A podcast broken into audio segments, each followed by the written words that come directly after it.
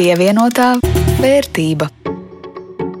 Sveicināti ir 27. aprīlis un skan raidījums par ekonomiku. Pievienotā vērtība. Studijā Rudīts Pakauska no Latvijas televīzijas. Un Jānis Ramāns no Latvijas radio. Šodien raidījumā par darbiem un nedarbiem kamēr valsts organizētie dīkstāvus pabalsti cenšas apjaust Latvijas ekonomikas realitāti, piemēroties tai tā, lai pēc iespējas vairāk cilvēku uzņēmumu arī spētu ieķerties atbalsta tīklā, bezdarbnieku rindas strauji aug. Kā jaunajos apstākļos atrast darbu un kādus darbiniekus vispār šobrīd darba tirgu vajag? Uz šo jautājumu šodien meklēsim atbildi. Kā arī raidījuma izskaņā mūsu mazais nedarbs. Apkoposim jaunākās iekšzemes koprodukta prognozes, turpinot mūsu aizsākto Latvijas valdošo banku ekonomistu, nu un šobrīd arī nedaudz pārēģu nākotnes zilētāju neklātnes prognožu sacensību. Bet nu, vispirms par aktualitātēm.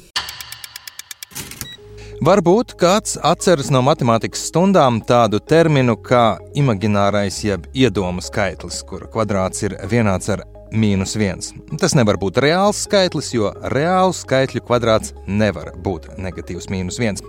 Daudzi pārsteigumā un izbrīnā berzēja acis un kasīja pakaušus, redzot, ka naftas cena izrādās var būt arī negatīva. Praktiski tirgotāji piemaksā, lai tikai kāds savāca viņu naftu.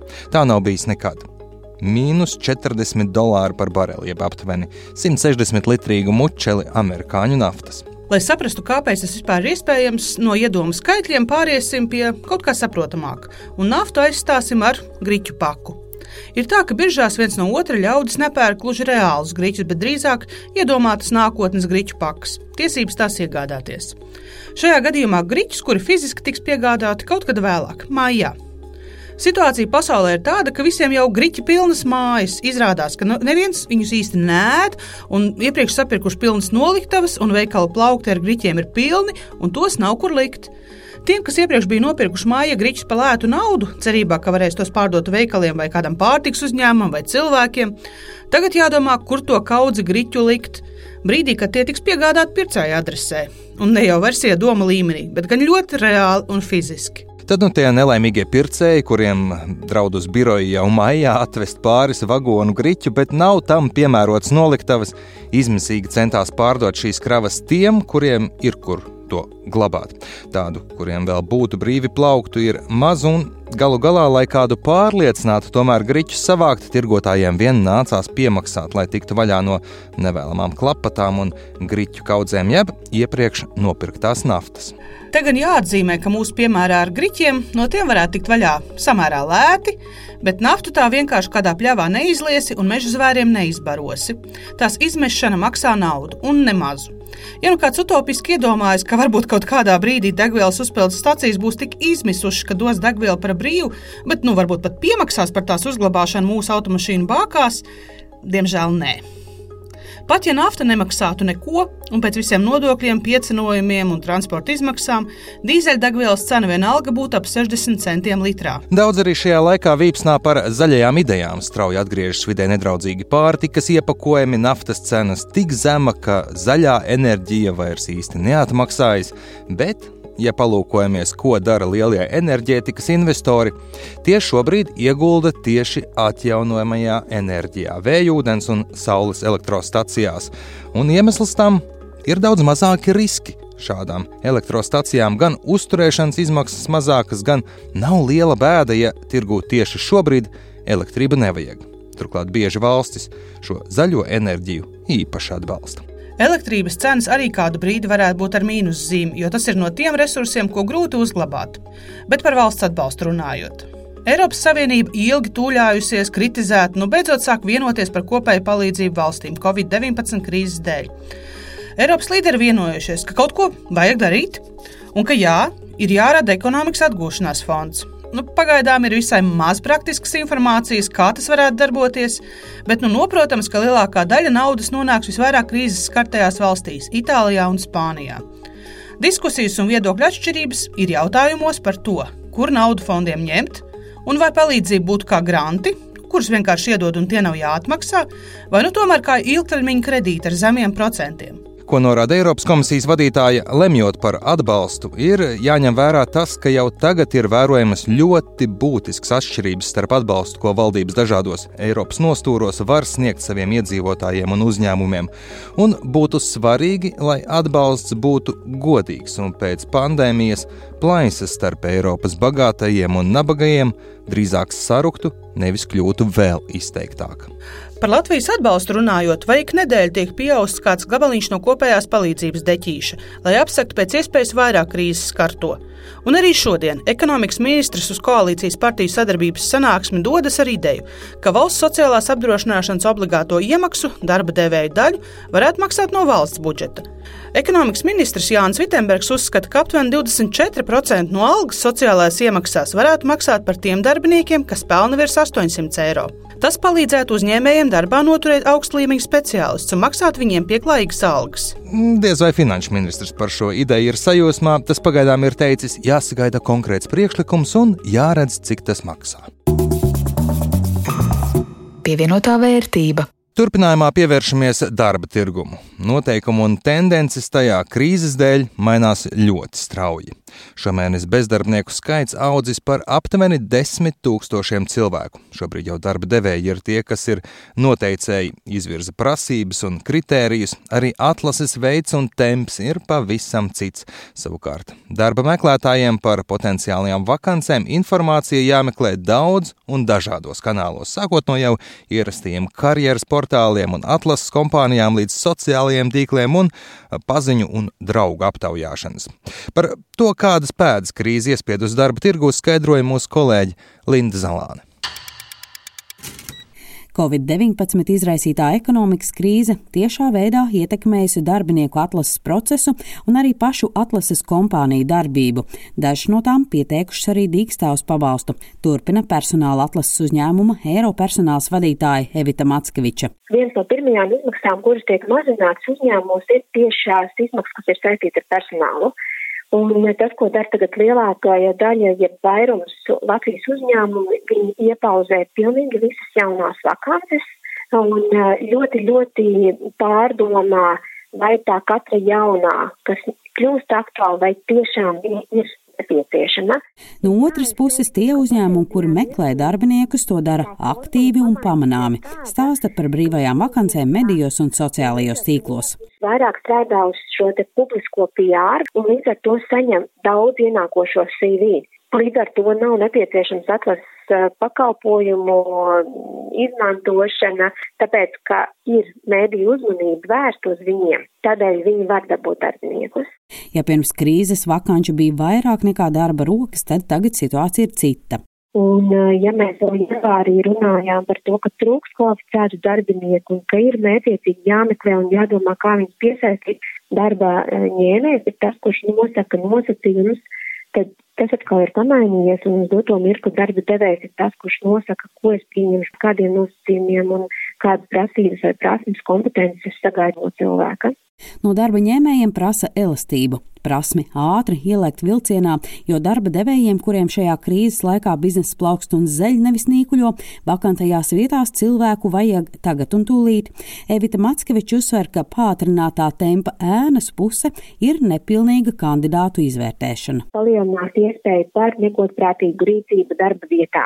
Iespējams, ka cilvēks kaut ko paņem, kaut ko nozog. Līdz ar to darbdevējiem arī ļoti ātri jārēģē, ko, kā darīt, kā mainīt procesus, lai varētu nodrošināt nepieciešamo kvalitāti un arī nenest darbinieku zaudējumus viņu kompānijai. Kaspars Skotāns, CV Online Latvija, personāla atlases nodaļas vadītājs. Viņš stāsta, ka šobrīd bumba ir darba devēja pusē, līdz ar to prasības un kritēriji pret darba ņēmējiem pieaug.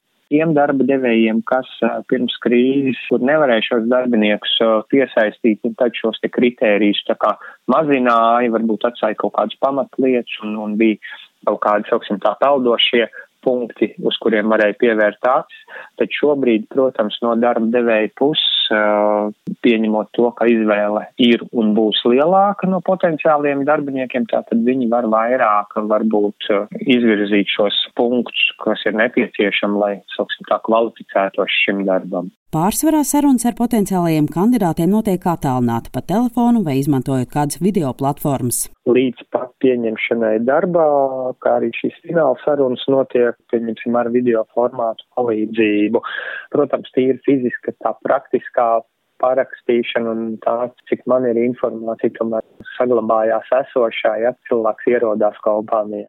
Vairāk brīvās darba vietas ir uz speciālistu amatiem un zemākā līmeņa pozīcijām, retāk, bet tomēr meklē uzņēmumu vadības līmeņa darbiniekus. Aiga ārste avotiņa, Amrap vadošā partnere Latvijā, Igaunijā un Ukrainā.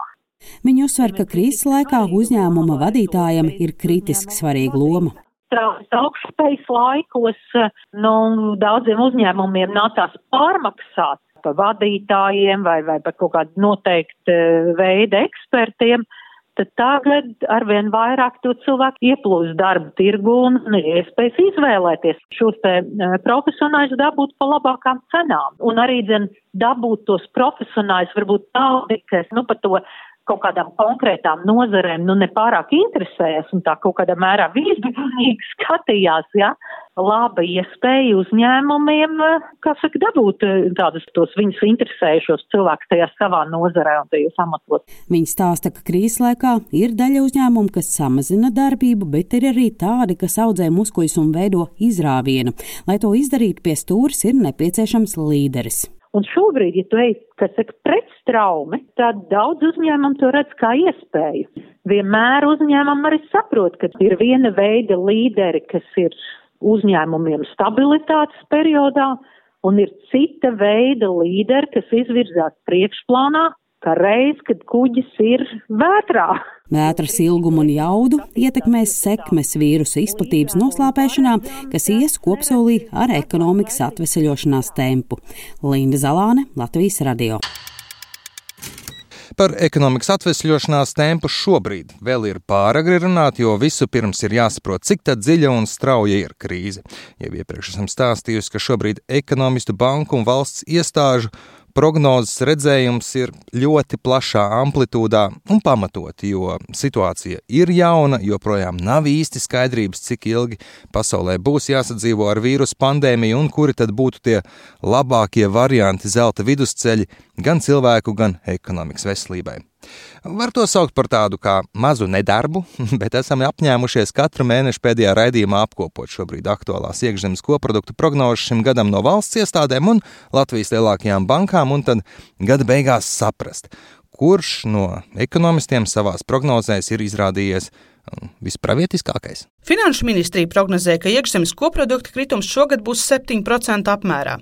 Tas ir par pusprocentu pesimistiskāk nekā aktuālā Latvijas bankas prognoze. Ja valsts iestādes nevienmēr var atļauties prognozes mainīt, tad komercbankām gan nu nekas netraucē to darīt. Aprīļa beigās Latvijas Banka ekonomistu prognozes, salīdzinot ar martu, gan ievērojami nav mainītas, un tās IKP krituma prognozē no 8 līdz pat 11 procentiem. Te jau visi uzsver, ka nenoteiktība ir liela un scenāriji ir divi - pozitīvais un negatīvais. Turpinājumā dzirdēsim Citadeles, SEB, Luminor un Svetbankas vadošo ekspertu prognozes bāzes prognoze ir, ka šogad iedzīvotājs koprodukts varētu samazināties par 8%, bet uh, nenoteiktība ir ļoti liela un, un nenoteiktība primāri saistīta ar, ar pašu vīrusu. Cik ātri viņi izdodas ierobežot, cik ātri mēs varam atgriezties pie normālas ekonomiskās funkcionēšanas. Skaidrs, ka pasaulē šis kritums ir lielākais, uh, viņš lielāks nekā 2008. un 2009. gadā, lielākā krīze kopš 30. gadiem, un mēs vēl īsti nezinām, ne cik viņa dziļi ir, ne cik ātri mēs varēsim atkopties no viņas. Šobrīd mēs sagaidām, ka Latvijas IKP samazināsies par 9%. Turšņu kritums būs pietiekami dziļš un atgūšanās izskatās nebūs tik raita, kā mēs sagaidījām un salīdzinoši nesen. Šī te negatīvā tendence ilgsies arī visu turpmāko gadu, lai ar viņu mazināsies. IKP prognozes ir ļoti, ļoti aptuvenas bet eh, šobrīd tā ir ap 10%. Tā ļoti liela nenoteiktība abos virzienos, protams. Šis gads tiešām ir eh, un būs ārkārtīgi neparasts. Svetbankas prognoze šim gadam eh, tika veikta martā, un mums patiesībā ir divi scenāriji. Un bāzes scenārijā tas ir šobrīd jau izskatās diezgan optimistisks. Tajā scenārijā mums Latvijas izaugsme krīt šogad par 6%, savukārt atgūstās arī nākamgad diezgan strauji. Tādā nedaudz negatīvākā scenārijā izaugsmes kritums ir par 11% šogad, un 21. gadā šī izaugsme tikai pavisam lēnām sāk atgūties. Ar to arī ir galā šīs nedēļas raidījums pievienotā vērtība. Atgādināšu, ka mums varat rakstīt pievienotā punkts vērtība pie Latvijas radio.lv, kā arī šo iepriekš izskanējušos un arī nākamos raidījumus var atrast ne tikai Latvijas radio mājaslapā, internetā, bet arī Google un Apple podkāstos.